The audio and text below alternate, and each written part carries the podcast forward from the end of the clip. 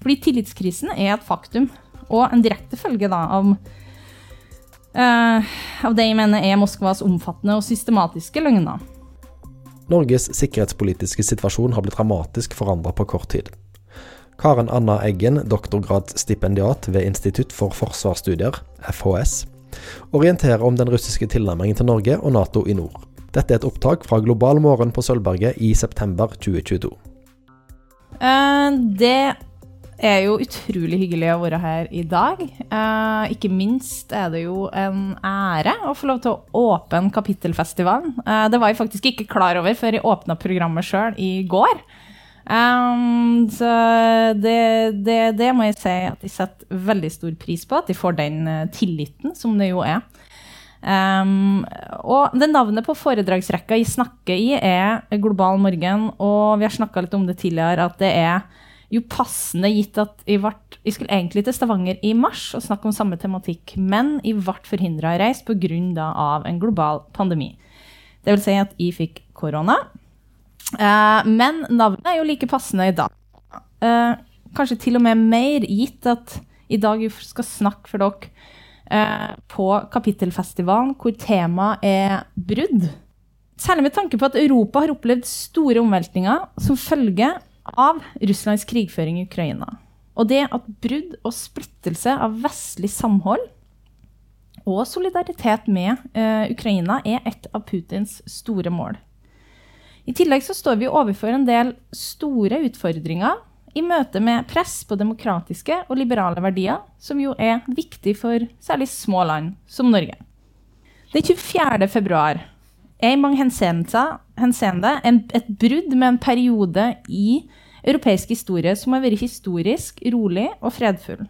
Der hvor Russlands annektering av Krim i 2014 varsla urolige tider, er Putins angrepskrig på Ukraina et vendepunkt i europeisk sikkerhet.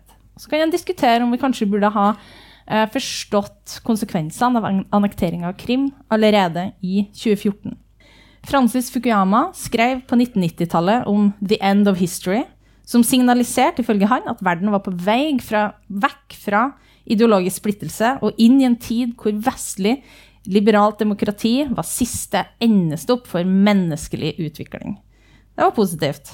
Uh, han fikk litt kritikk for den uttalelsen, men samtidig så var det jo en altså 90-tallet, tidlig 2000-tallet, det var en tid prega av optimisme og i hvert fall dels framtidstro på hva Russland kunne bli som en del av Europa. Allerede i 2007 var president Putin uh, ut i en tale og kritiserte verdensorden og krevde at Russland fikk sin rettmessige plass uh, som stormakt i en multipolar verdensorden, heller enn at verden skulle styres av USA. Mange ser på denne talen som han holdt i München, som starten på det som etter hvert skulle ta det moderne Russland tilbake i en sterk autoritær retning, og 15 år senere dra Europa tilbake inn i konvensjonell storkrig. Dagens foredrag handler jo ikke om Ukraina som sådan. Eh, og tittelen er invitert hit for å snakke om, det kan dere jo få se her òg, det er spenning og sikkerhetspolitikk i nordområdene. Men denne tematikken er nesten umulig å snakke om uten å inkludere Russlands mangeårige militære og påvirkningsaktiviteter, særlig retta mot Ukraina, eh, som har resultert i en gradvis forverring av relasjonene mellom Russland og Vesten, eh, økt spenning og endra dynamikker, som òg får konsekvenser for våre nærområder. Derfor vil jeg starte i dag med det større bildet, og se på Russlands verdensbilde, før vi beveger oss da nordover. Eh, en viktig ting å si innledningsvis er at tida vi jo nå er inne i, er prega av stor usikkerhet. Vi vet ikke hvordan krigen i Ukraina uh, uh, på et eller annet tidspunkt vil ta slutt. Om det utviklinga går jo i ukrainsk favør nå, men det kan endre seg fort. det er mye diskusjon om at dette er starten på slutten for president Putin osv. Men jeg tilhører nok den bolken som lener seg mer eh, mot at det i hvert fall regimet i Russland eh, vil vi nok måtte forholde oss til i eh, en god stund til framover. Og det handler rett og slett om at det er Systemet er konstruert over en periode på over 20 eh, år. Eh, hvor da utfordrere og kritikk er stilna eller føyd inn som del av Putins system. Uh, men her er det mange uh, faktorer som kan spille inn på sikt. Og poenget mitt er vel da egentlig at vi, vi, tar utgangspunkt i at Putin sitter ved makta, eller at regimet består, i hvert fall i nær framtid, som et grunnlag for denne presentasjonen. Mm, vi skal snakke om nordområdene, men i mange sammenhenger vil det bli satt i en større nordisk eh, kontekst. Og det har jo både med russisk syn på regionen å gjøre, og den økte koblinga mellom nordområdene og Østersjøen i russ, russisk og vestlig eh, strategisk tenkning. Um, også I tillegg er jo dette foredraget her uh, ganske russlandssentrisk i den forstand at russisk sikkerhetspolitikk er det jeg jobber mest med. Uh, Snakka veldig mye om Ukraina det siste året, men det er jo nordområdene og Russland jeg har, og Norden da, som jeg har jobba mest med. Uh, I løpet av foredraget så vil det komme en del poenger, og forhåpentligvis uh, en del gode poeng. Uh, men håpet er jo at dere setter igjen med et par ting. Um, og det er f.eks. at Russland vil i økt grad, som følge av svake resultater på slagmarka i Ukraina, legge økt vekt på sitt eh, atomarsenal.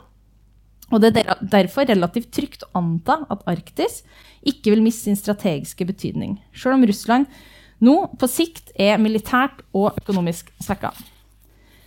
I tillegg ser vi at Arktis, ikke er immun mot påvirkning fra konflikter som foregår andre plasser i verden.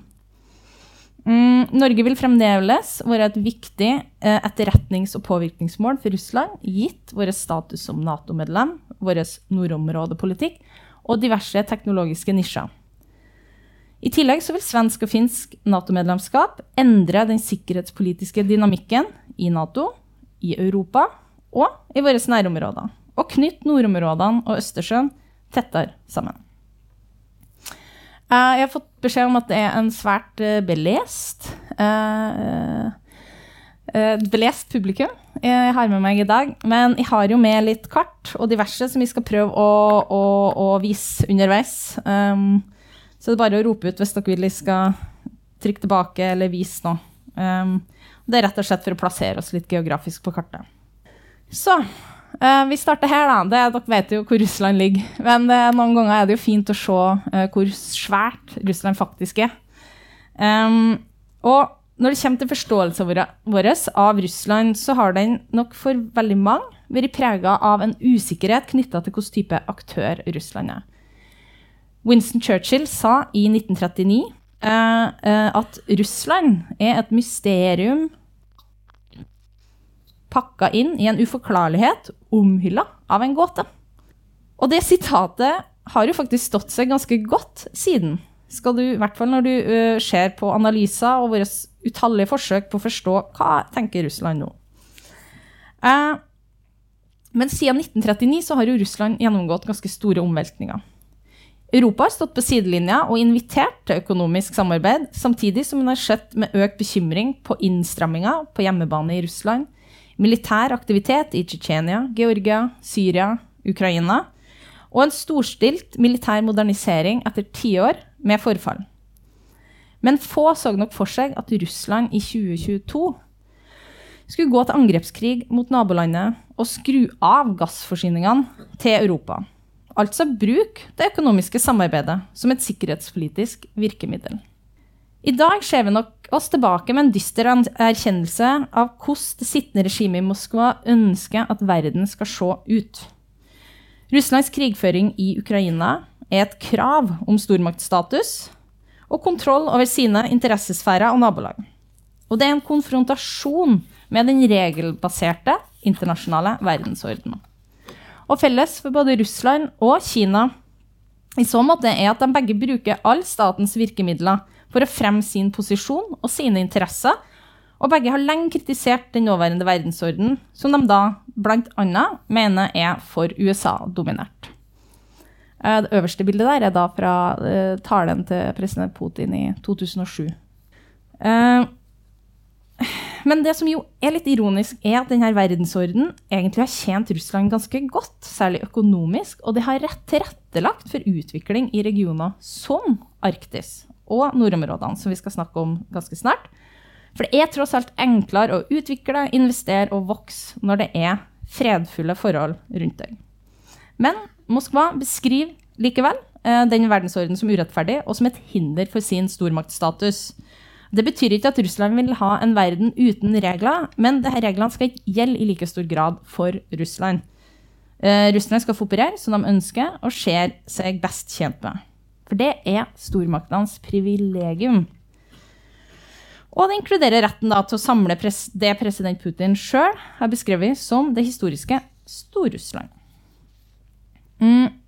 Og det er en historiefortelling det her, som president Putin og hans innerste krets har kultivert de siste 20 pluss årene, og bygger på en politisk kultur som jo er ganske forskjellig fra den europeiske, i den forstand at veldig mye av tankegodset fra sen 1800-tallet og tidlig 1900-tallet henger igjen og er førende for mange russiske verdier. Selvsagt da godt hjulpet av omfattende propaganda og historieomskriving, hvor fortid, vi ser det med andre verdenskrig, og nåtid, krigen i Ukraina, blendes sammen i en patriotisk fremstilling av verden og Russland sin plass i den. For president Putin uh, så var oppløsninga av Sovjetunionen en oppløsning av det han da kaller det historiske Stor-Russland. Og I hans syn så ga de sovjetiske lederne bort deler av russisk territorium til andre land, som Krimhalvøya til Ukraina. Og etter Putins mening så er ikke de postsovjetiske statene selvstendige. Og det er et syn som må gjelde egentlig for de fleste små statene, også Norge. Og det igjen handler om da, at Moskva ser på verden og ønsker at verden skal være delt mellom stormakter og deres tilhørende interessesfærer. Så om vi ikke har skjønt russisk verdensbilde og ambisjoner før, så bør i hvert fall eh, president Putins eh, ekspansjons- og, og, kontrollbehov eh, være relativt uh, tydelig nå.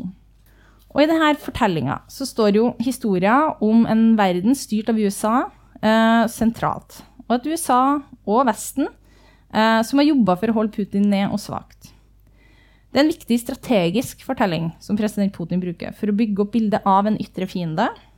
Fortellinga om trusselen utenfra, som ønsker å styrte det russiske regimet gjennom fargerevolusjoner og farlig liberaldemokratisk tankegods om et aggressivt Nato som stadig ekspanderer nærmere grensene, brukes aktivt som påskudd for å stramme inn på hjemmebane og utøve cyber- og påvirkningsoperasjoner og analyseaktiviteter aktiviteter ut.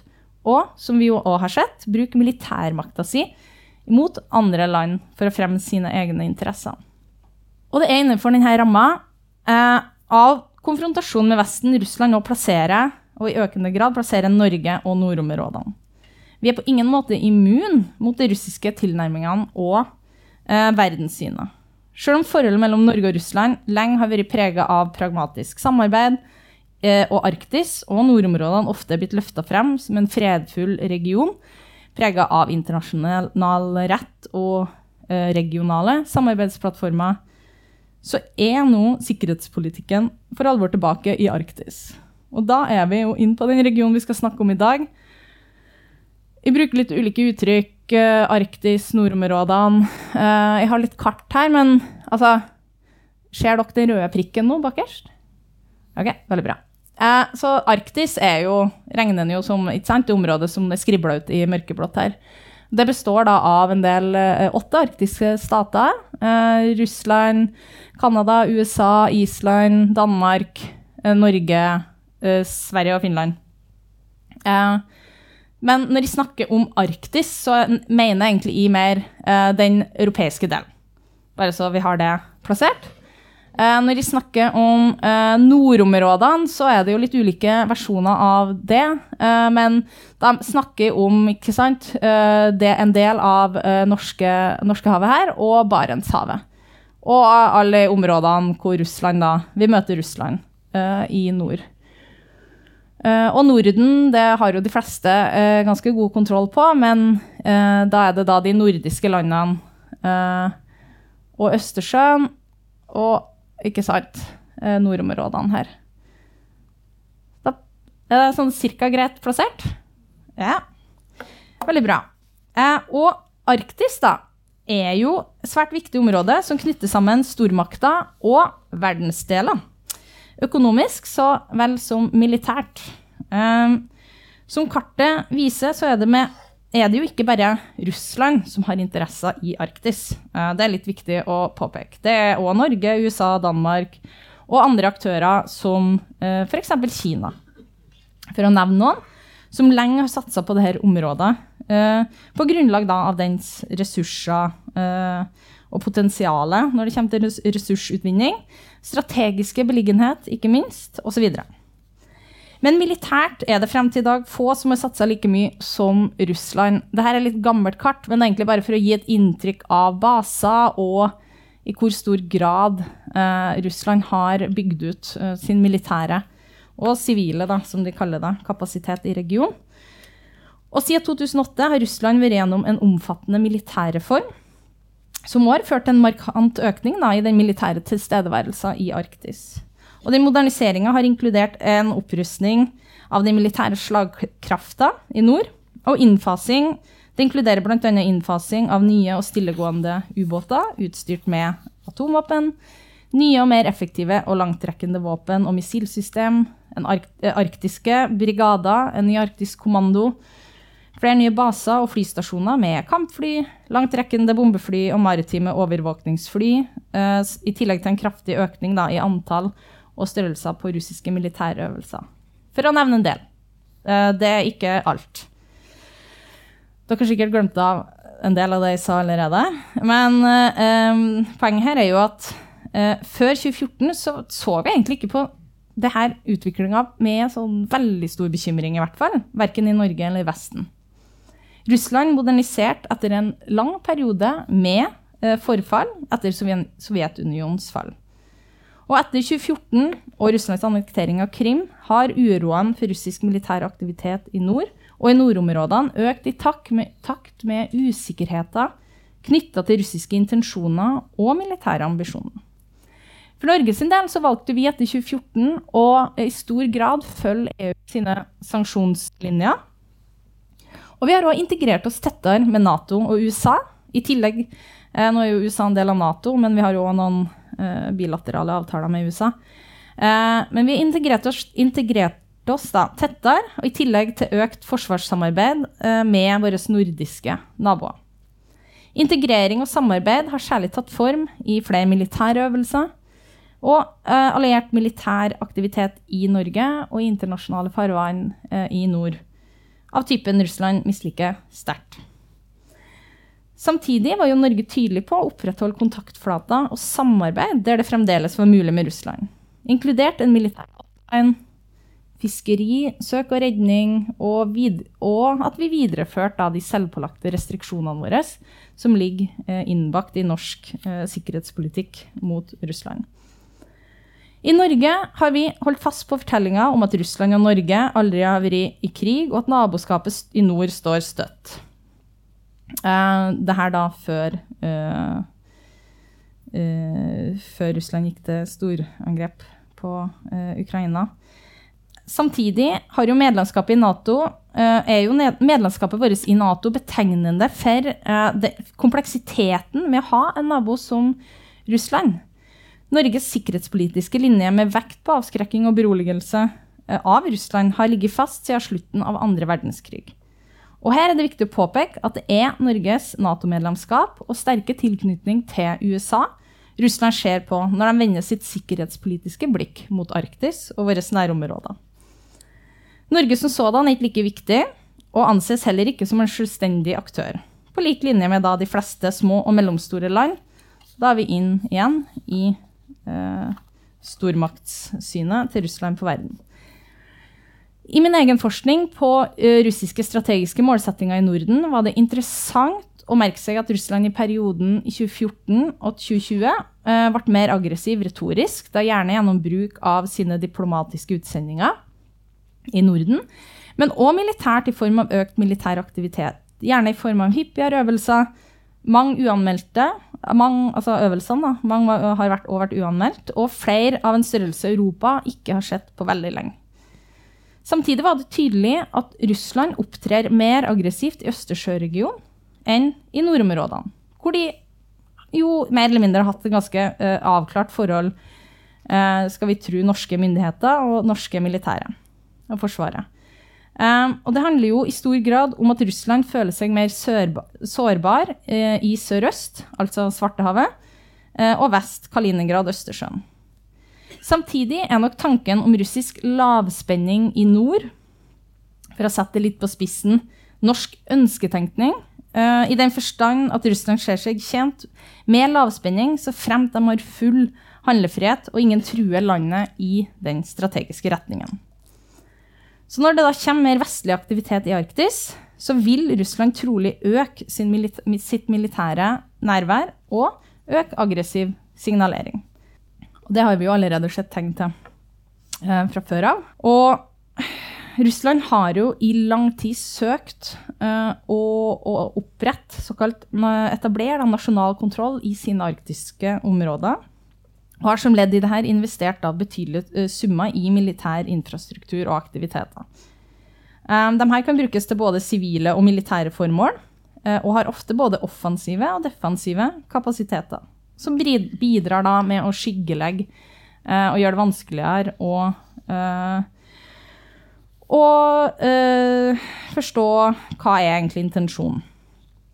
Eh, Russland har som et resultat av sin militære opprustning, som òg er fordelt, da, som dere ser, eh, over store deler av regionen, den desidert største militærmakta i Arktis.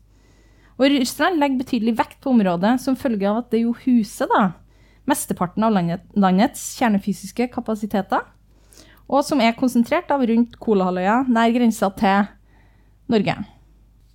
Men regionen er òg viktig av økonomiske grunner, og særlig da for å understreke potensiell fremtidig skipsfart langs den nordlige sjøruta. Den tenker de da skal gå sånn cirka her.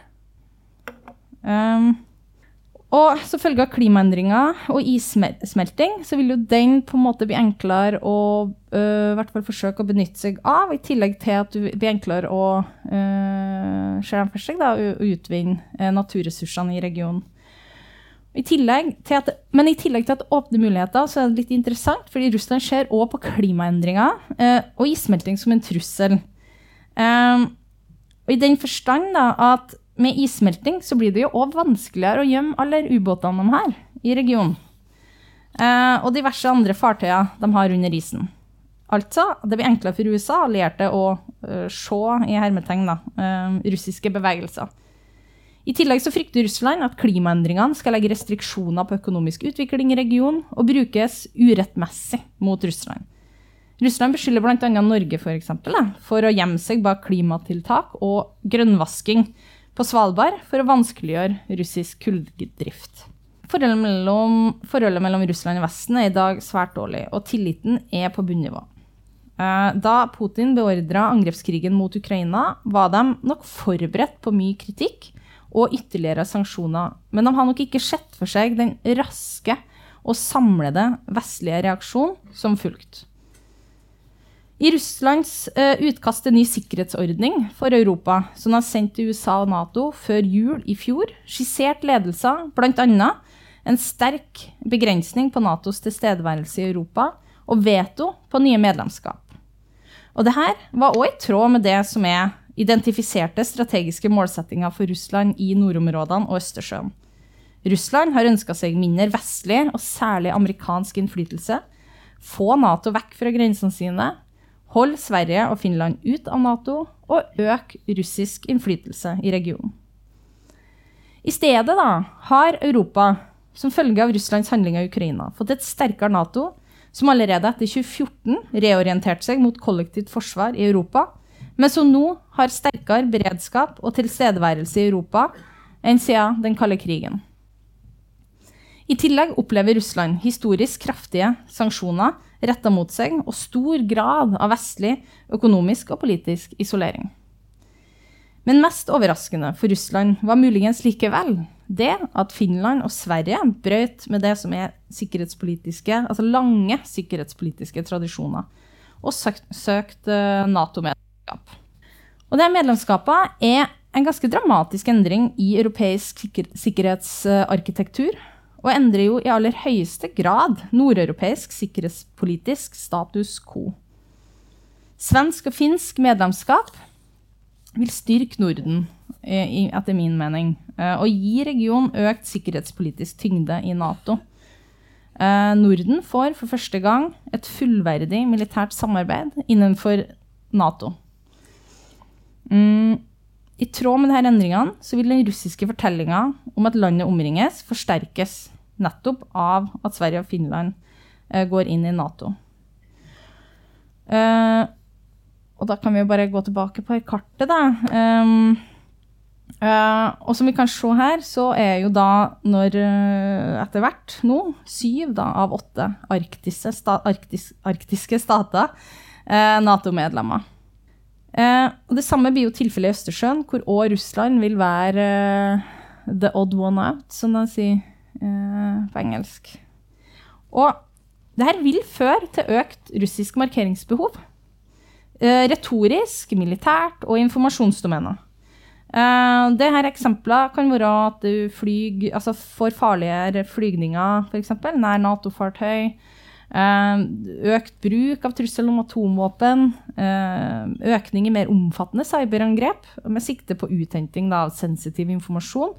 Men òg slå ut kritiske system. eller bare skape store problemer og få ting til å fungere. Eh, så samtidig som flere russiske strategiske målsettinger i Norden da eh, har feila, eh, har ikke Russland på kort sikt kapasitet til å imøtekomme det her med såkalte militærtekniske motsvar, som de har trua med de siste tiårene. Både Norge og Sverige og Finland. Eh, Putin har i kjølvannet av svensk og finsk Nato-søknad til og med ytra at medlemskapet egentlig ikke betyr særlig mye for Russland. Men uh, der skal vi ha i mente at de nok avventer og ser hvilke faktiske konsekvenser medlemskapet får i form av plassering da, av alliert uh, militær infrastruktur i begge land.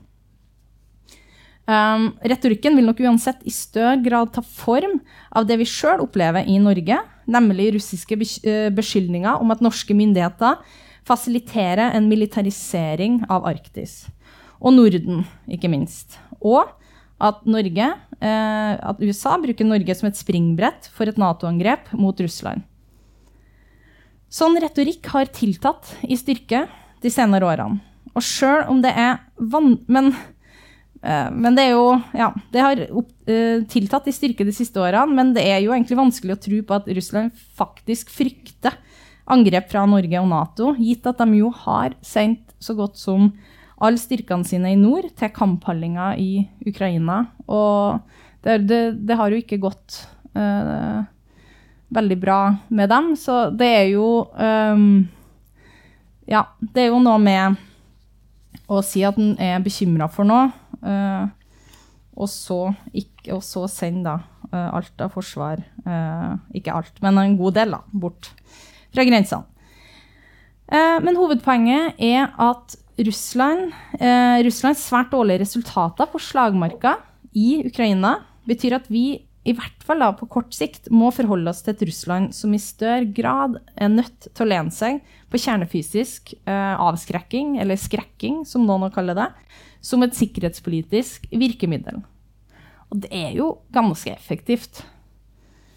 Vi har allerede sett det blitt tatt i bruk eh, i Russlands krigføring i eh, Ukraina. Eh, og for vår del så betyr det jo ikke sant òg at, at den ser eh, framskutte posisjoner nær grensa vår av ubåter, som da er en forberedelse til en mulig eskalering. Sjøl om det er viktig å påpeke da, at den kjernefysiske avskrekkinga i stort egentlig er ganske bra balansert eh, fra, begge, fra, vestlig og russisk side, eh, med troverdig da, avskrekking fra begge sidene. Eh, men trusselen om bruk av atomvåpen er, er veldig effektivt. Um, så gitt da den økt vektlegging av Russlands atomarsenal, er det derfor relativt trygt å anta at Arktis ikke miste sin strategiske betydning. Selv om Russland nå på sikt er militært og økonomisk svekka, snarere tvert imot. Og da er jo eh, områdene eh, i nord og nær oss eh, veldig relevant. Fordi Russlands atomarsenal på Kolaløya og våpen og ressurser er våpen og ressurser som står sentralt i det russiske bastion bastionforsvarskonseptet og utgjør landets ultimate sikkerhetsgaranti. Russlands strategiske ubåter i nord opprettholder òg Russlands anslagsevne, som er viktig for strategisk balanse og garanti om gjensidig utslettelse, i tilfelle du skulle få da, en atomkrig med f.eks. USA. Eh, I tillegg har missilene kortest reisevei fra Russland til USA og vice versa over eh, Polhavet, Polhavet, og, eller fra da framskutte posisjoner under havoverflata. Russland vil derfor strekke seg langt for å sikre åpen vei ut til havene Um, og um, uh, og aktivere bastionforsvaret sitt om de ser på Russland som tilstrekkelig trua, eller opplever trusler da, mot sine kjernefysiske arsenal på Kolaløya. Og I et sånt tilfelle, uh, som dere vil også se på kartet her, så vil jo Norge risikere å bli stengt inn og havne bak uh, Russlands forsvar, forsvarslinjer. Og dette vil vanskeliggjøre alliert støtte og forsyningslinja til Norge. Men òg videre inn til Sverige og Finland, nå som de går inn i Nato. Uh, heldigvis, skulle jeg til si, da, uh, så er jo det meste av territorialgrenser og konflikter i Arktis avklart. Så sjansen for konflikter her har vært mindre enn i andre regioner. Selv om vi har eksempler på at Russland òg velger å bruke usikkerhet rundt det som egentlig er avklarte grenser, som et sikkerhetspolitisk virkemiddel. Et nylig eksempel er jo da Dere vet hva den heter? Yes! Delelinjeavtalen, uh, som ble inngått mellom Norge og Russland i 2010. Etter da nærmere ca. 40 år eller noe sånt med samtaler om uh, fordeling. Um, avtalen ble satt i tvil i sommer etter en krangel om frakt av matvarer da, fra Russland via norsk territorium til uh, Barentsburg på Svalbard og den russiske bosetninga der. Eh, det som er interessant, er at uttalelser eh, kom fra lederen av kommunistpartiet, som tok til orde for å skrote delelinjeavtalen etter at disputten Altså den uttalelsen kom etter at disputten om frakten av matvarer var avklart, uh, og skapt store overskrifter i Norge. Og så har folk vært litt uenige i hva det her egentlig betyr, men jeg har òg sagt at det her er klassisk bølling. Um, så selv om Russland i stort har overholdt internasjonal rett i Arktis, så at også etter 2014, uh, da, er, da dette har gavna deres interesser i regionen, så er det jo viktig å ha i mente at det er ikke tilfellet uh, andre steder i verden. Og det vil kunne settes uh, under press hvis Russland opplever at sine nasjonale interesser i regionen er tilstrekkelig trua. Som følge av den politiske og militære utviklinga i Russland og omfattende russisk aktivitet og kartlegging av havbunnen i Nord-Atlanteren, har sentrale Nato-allierte som Storbritannia og USA òg økt sin militære tilstedeværelse. Dette er for å øke beskyttelse av diverse undersjøisk kritisk infrastruktur og kommunikasjonslinjer, som Russland kan true ved en konflikteskalering. Det er òg en hodepine for norske myndigheter hvor Russland bedriver omfattende kartlegging av norskekysten og norsk kritisk infrastruktur på land og på havbunnen. Og De siste årene har vi opplevd sabotasje på kritiske kabler, inkludert på én av to kabler som knytter Svalbard til fastlandet. Likheten i begge tilfellene var at russiske trålere var observert og krysset kablene gjentatte ganger i samme tidsrom som kablene forsvant. Det er òg observert at russiske fiskebåter, og, eller såkalte da, fiskebåter og forskningsfartøy eh, følger kritiske kabler og infrastruktur på havets bunn og dukker opp når ny maritim teknologi skal testes ut.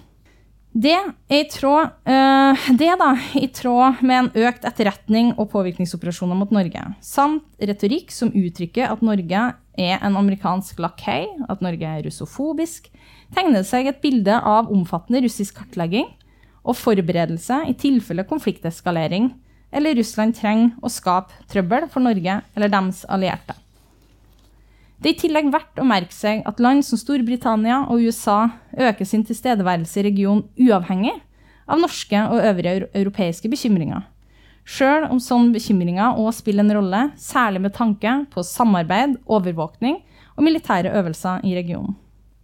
Men økt alliert tilstedeværelse i våre nærområder betyr òg økt alliert aktivitet av den typen Norge ikke nødvendigvis har kontroll over. Aktører som USA og Storbritannia har allerede og vil fortsette å markere militær tilstedeværelse og retten til fri gjennomseiling i regionen, hvor de da bl.a. med jevne mellomrom tester russiske reaksjoner. Sagt annerledes, det er viktig å ha i mente at selv om vi i Norge kan kontrollere noe aktivitet, særlig i eget territorialfarvann og nærområde, så er nå da sju av åtte såkalte da, arktiske stater Nato-medlemmer. Det vil si alle andre enn Russland, men òg at regionen vil med andre ord oppleve da, økt aktivitet uavhengig av eh, hva vi gjør og mener er riktig. I takt med svært høye spenninger er det òg interessant å merke seg at alle regionale samarbeids- og dialogplattformer er lagt på is som følge av Russlands angrepskrig. Nato-Russlandsrådet ble også lagt på is i fjor høst, da etter russisk eh, initiativ da, fra russisk side. Men Arktisk råd, som jo er en slags bauta i, i Arktis-sammenheng, eh, dens beslutning om å avslutte møtevirksomheten på ubestemt tid mener i hvert fall jeg markerer en prinsipiell endring i det som må sies å være selve grunnmuren til rådet, og en del grunnforståelse av hva og hvilken type region Arktis skal være. Til og med eh, etter Russlands annektering av Krim i 2014 så fortsatte jo møtevirksomheten og mer eller mindre da, business as usual i regionen. Og Tanken har vært at Arktisk råd skal opprettholde dialog og samarbeid der hvor det er mulig, og ikke tillate at internasjonale spenninger slår kjepper i hjulet for rådets arbeid. At møtevirksomhet nå er suspendert, og i tillegg samme år som Russland skulle tre inn i formannskapsrollen, signaliserer et skifte. Og det vil nok ha ganske store konsekvenser for samarbeidsklimaet i Arktis framover. Og det her er jo dårlig nytt uh, i en tid med forhøya spenning, økt militær aktivitet, og ikke minst en tid hvor det jo det egentlig er klimaløsninger som burde ha vært topp prioritet. Eh, så dialog burde vært øverst på lista. Men, eh, det, men det har vært tiltakende vanskelig i møte med nåværende regime i Moskva, som er overbevist om at Vesten ønsker å svekke og underminere Russland. Så business da, as usual, eh, vanlig, altså at holde på som vi gjorde før, med et isolert og revansjonistisk Russland, er om ikke umulig, så er det svært, svært vanskelig. Fordi tillitskrisen er et faktum. Og en direkte følge da, av, uh, av det jeg mener er Moskvas omfattende og systematiske løgner. Uh, og om det så skulle være ønskelig å, å videreføre ulike dialog- og samarbeidsplattformer, så gjør òg russisk fiendtliggjøring og propaganda på hjemmebane at samarbeid med vestlige partnere ses på som en mulig og ganske stor risiko. Vi står med andre ord overfor en del tøffe diskusjoner fremover knytta til hvordan vi best ivaretar vår sikkerhet, men òg idealer da, i møte med aktører og drivkrefter som søker å stake ut en ny internasjonal orden. Så før jeg går helt inn for landing, um, så bare ønsker jeg å, å si litt kanskje om Norge mer spesifikt. Um, for i Norge så har vi jo hatt en ganske spennende diskusjon etter uh, etter Russland gikk til angrepskrigen sin mot Ukraina. Um, og rammen for norsk utenriks- og sikkerhetspolitikk er i sterk endring som følge av Russlands brutale framferd mot et annet naboland. Uh, og Norges særnorske policy om uh, avskrekking og beroligelse kan bli vanskeligere i hvert fall å etterleve. Flere har til og med tatt til orde for at vi kun skal vektlegge avskrekking og sløyfe beroligelse, uh, og da snevert forstått som de selvpålagte restriksjonene knytta til base, eh, eh, alliert tilstedeværelse på norsk jord i fredstid eh, osv. Eh, og det er da at vi bør sløyfe de her selvpålagte restriksjonene i møte med Russland anno 2022. Eh, samtidig så tror jeg det er litt sånn viktig å, uh, å tenke at mye av her diskusjonen fremover vil nok formes innenfor en større nordisk avskrekking og beroligelsespakke hvor alle de nordiske landene kan lære av hverandres tilnærminger til og erfaringer med Russland. Eh, Og så er det jo også sånn at Norsk avskrekking og beroligelsespolitikk er jo ikke en fast størrelse. Eh, det kan norske myndigheter eh, vri og vende på eh, litt som de vil. Men poenget er at det ene er ikke avhengig av det andre. Så det går jo an å opprettholde beroligende tiltak fordi om du skrur opp avskrekkinga betraktelig. Russisk påvirkningsforsøk retta mot norsk sikkerhetspolitikk, særlig, og, eller forsvars- og sikkerhetspolitikk, da, særlig med det mål for øye å svekke norsk oppslutning til Nato, og Norges militære samarbeid med USA har i stor grad mislyktes idet Norge knytter seg tettere til begge aktører, og samholdet i Nato Europa og Europa for øvrig er sterkere enn på lenge. Samtidig vil Norge være et viktig etterretnings- og påvirkningsmål for Russland gitt vår status da, som Nato-medlem, og som jeg nevnte tidligere, vår nordområdepolitikk og diverse teknologiske nisjer. Vi ville nok oppleve vedvarende kritikk knytta til Svalbard, som Russland beskylder Norge nå for å bruke som en del av Natos militarisering av Arktis. Det er òg antydninger til at Russland legger en strengere linje overfor norsk avskrekkings- og beroligelsespolitikk, som de jo alltid har forsøkt å definere uh, som en fast størrelse uten rom for endring, men som de nå eh, i større grad anklager Norge for å ha skrota fullstendig. Norge er heldig i den forstand at vi fremdeles ligger geografisk ganske atskilt fra områder med størst spenning og konfliktpotensial. Men avskjerma det er vi ikke. Og på sikt vil den nye strategiske balansen i Norden, som inkluderer da svensk og finsk Nato-medlemskap, føre til økt tilstedeværelse av russiske konvensjonelle styrker i våre nærområder, og en mer aggressiv oppførsel, men fremdeles vil jeg anta at den vil være større i Østersjøområdet. Norge og Russland har sammenfallende interesser i regionen. Det har det hatt i veldig lang tid, og det vil vi fortsette å ha framover. Men det vil i økende grad utfordres av Russland, som i større grad vektlegger, sikker, eh, vektlegger sikkerhetspolitikk, og vil oppleve at de ikke får operere akkurat som de vil i Arktis. Det er med andre ord eh, mange usikkerhetsmoment fremover. Eh, og alt har ikke blitt dekka i det foredraget her heller. Eh, men et hovedbudskap er da at Arktis som region bli, er viktig allerede og vil nok bli viktigere fremover i et sikkerhetspolitisk perspektiv i takt med økt militær aktivitet. Det setter press på norske myndigheter, som har en sentral plassering i regionen, og som i økende grad opplever at konflikter andre steder i verden får direkte konsekvenser, også for vår sikkerhet og virke i nord. Tusen takk.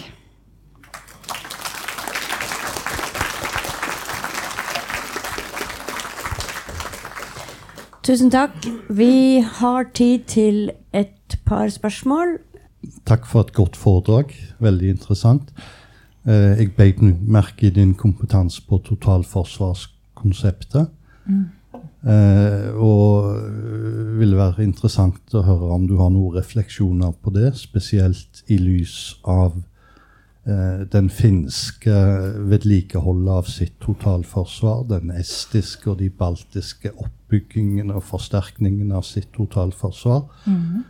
Mens i Norge og Sverige har vel tendensen vært at det har fragmentert de siste 20 årene.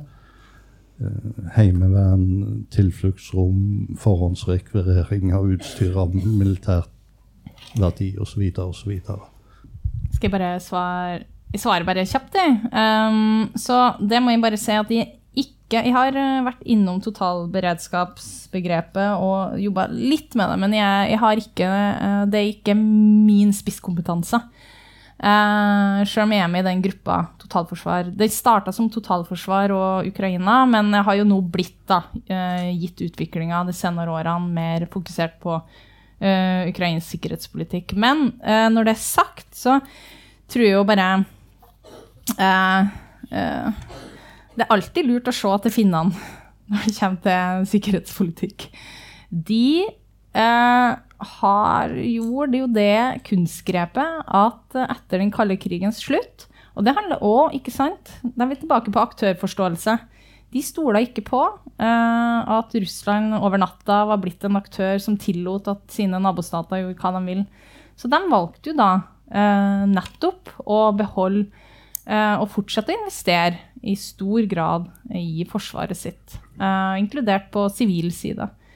Eh, så poenget mitt der er vel egentlig at jeg tror vi har veldig mye å lære fra eh, Finland. Og så er jo Norge i en, og har vært i en prosess eh, over flere år òg, hvor du har søkt å styrke totalberedskapen. Trident Juncture i 2018 er jo sånn, et godt eksempel på en stor øvelse hvor du inkluderte hele, hele samfunnet inn i da, den militære tenkninga og i beredskapstenkninga. Så um, jeg vet ikke om det er svart på spørsmålet ditt, men, men poenget er ja, Finland de, Vi burde nok ha gjort i større grad som dem, da, hvis en skal tenke eh, sikkerhetspolitisk.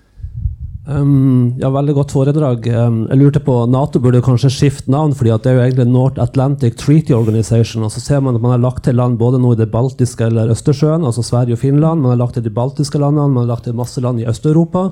Og ofte så bruker du snakk om verdensorden og et verdensbilde, sånn som f.eks. USA har, kontra det mm. som Russland eller Sovjet har hatt.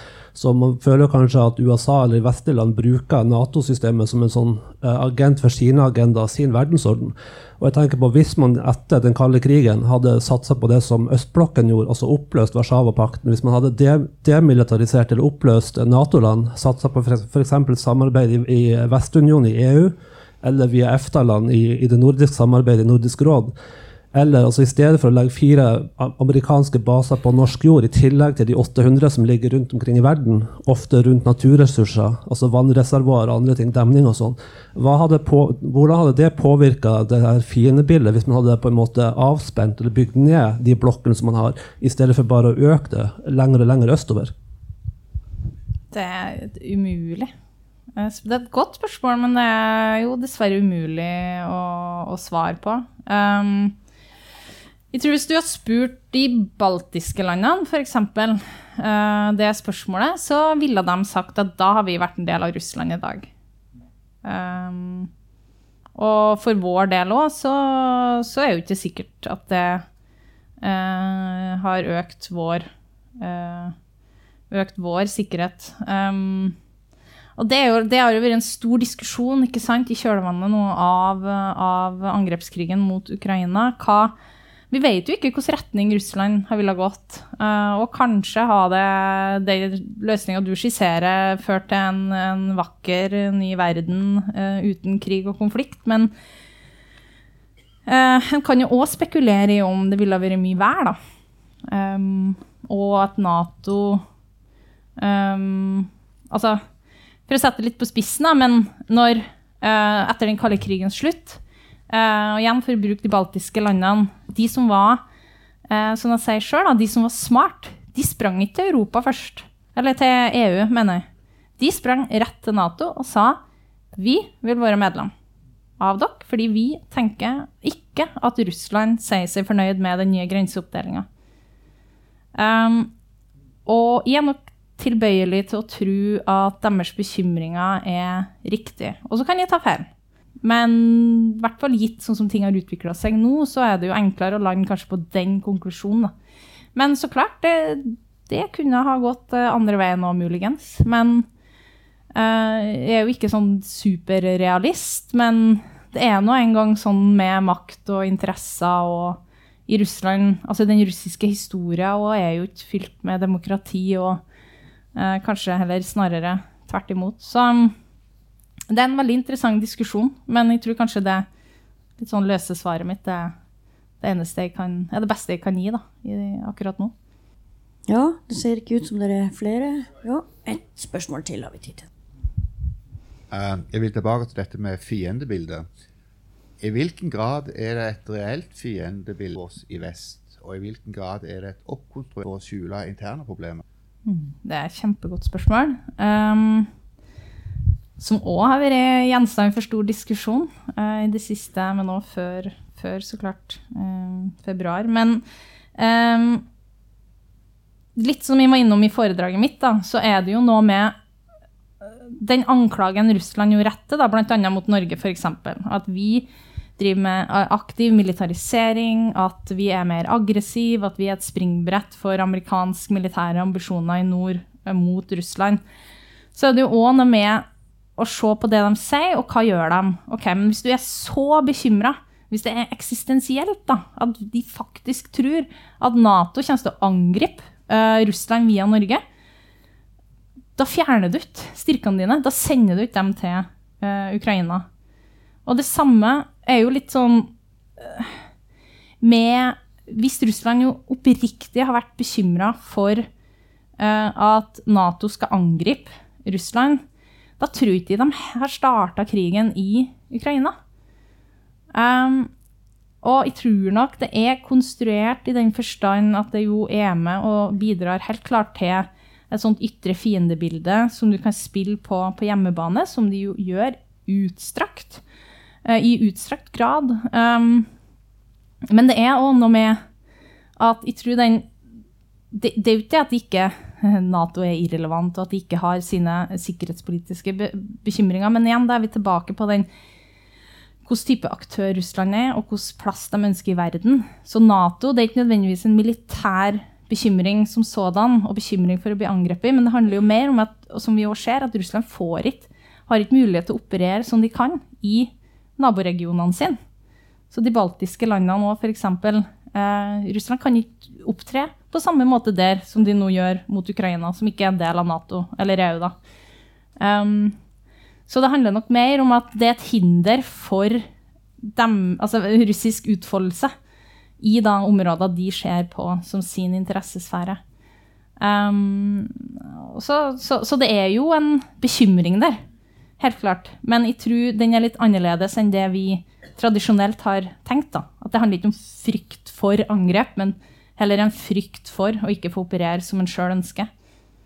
Men det er min, min mening, da. Så er det noen som er uenig i det. Ja. At i eh, Russland i dag ja. Og det ser vi i Norge òg. Korte svaret.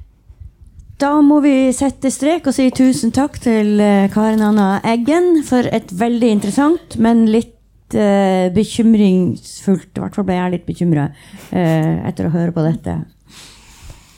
Tusen takk.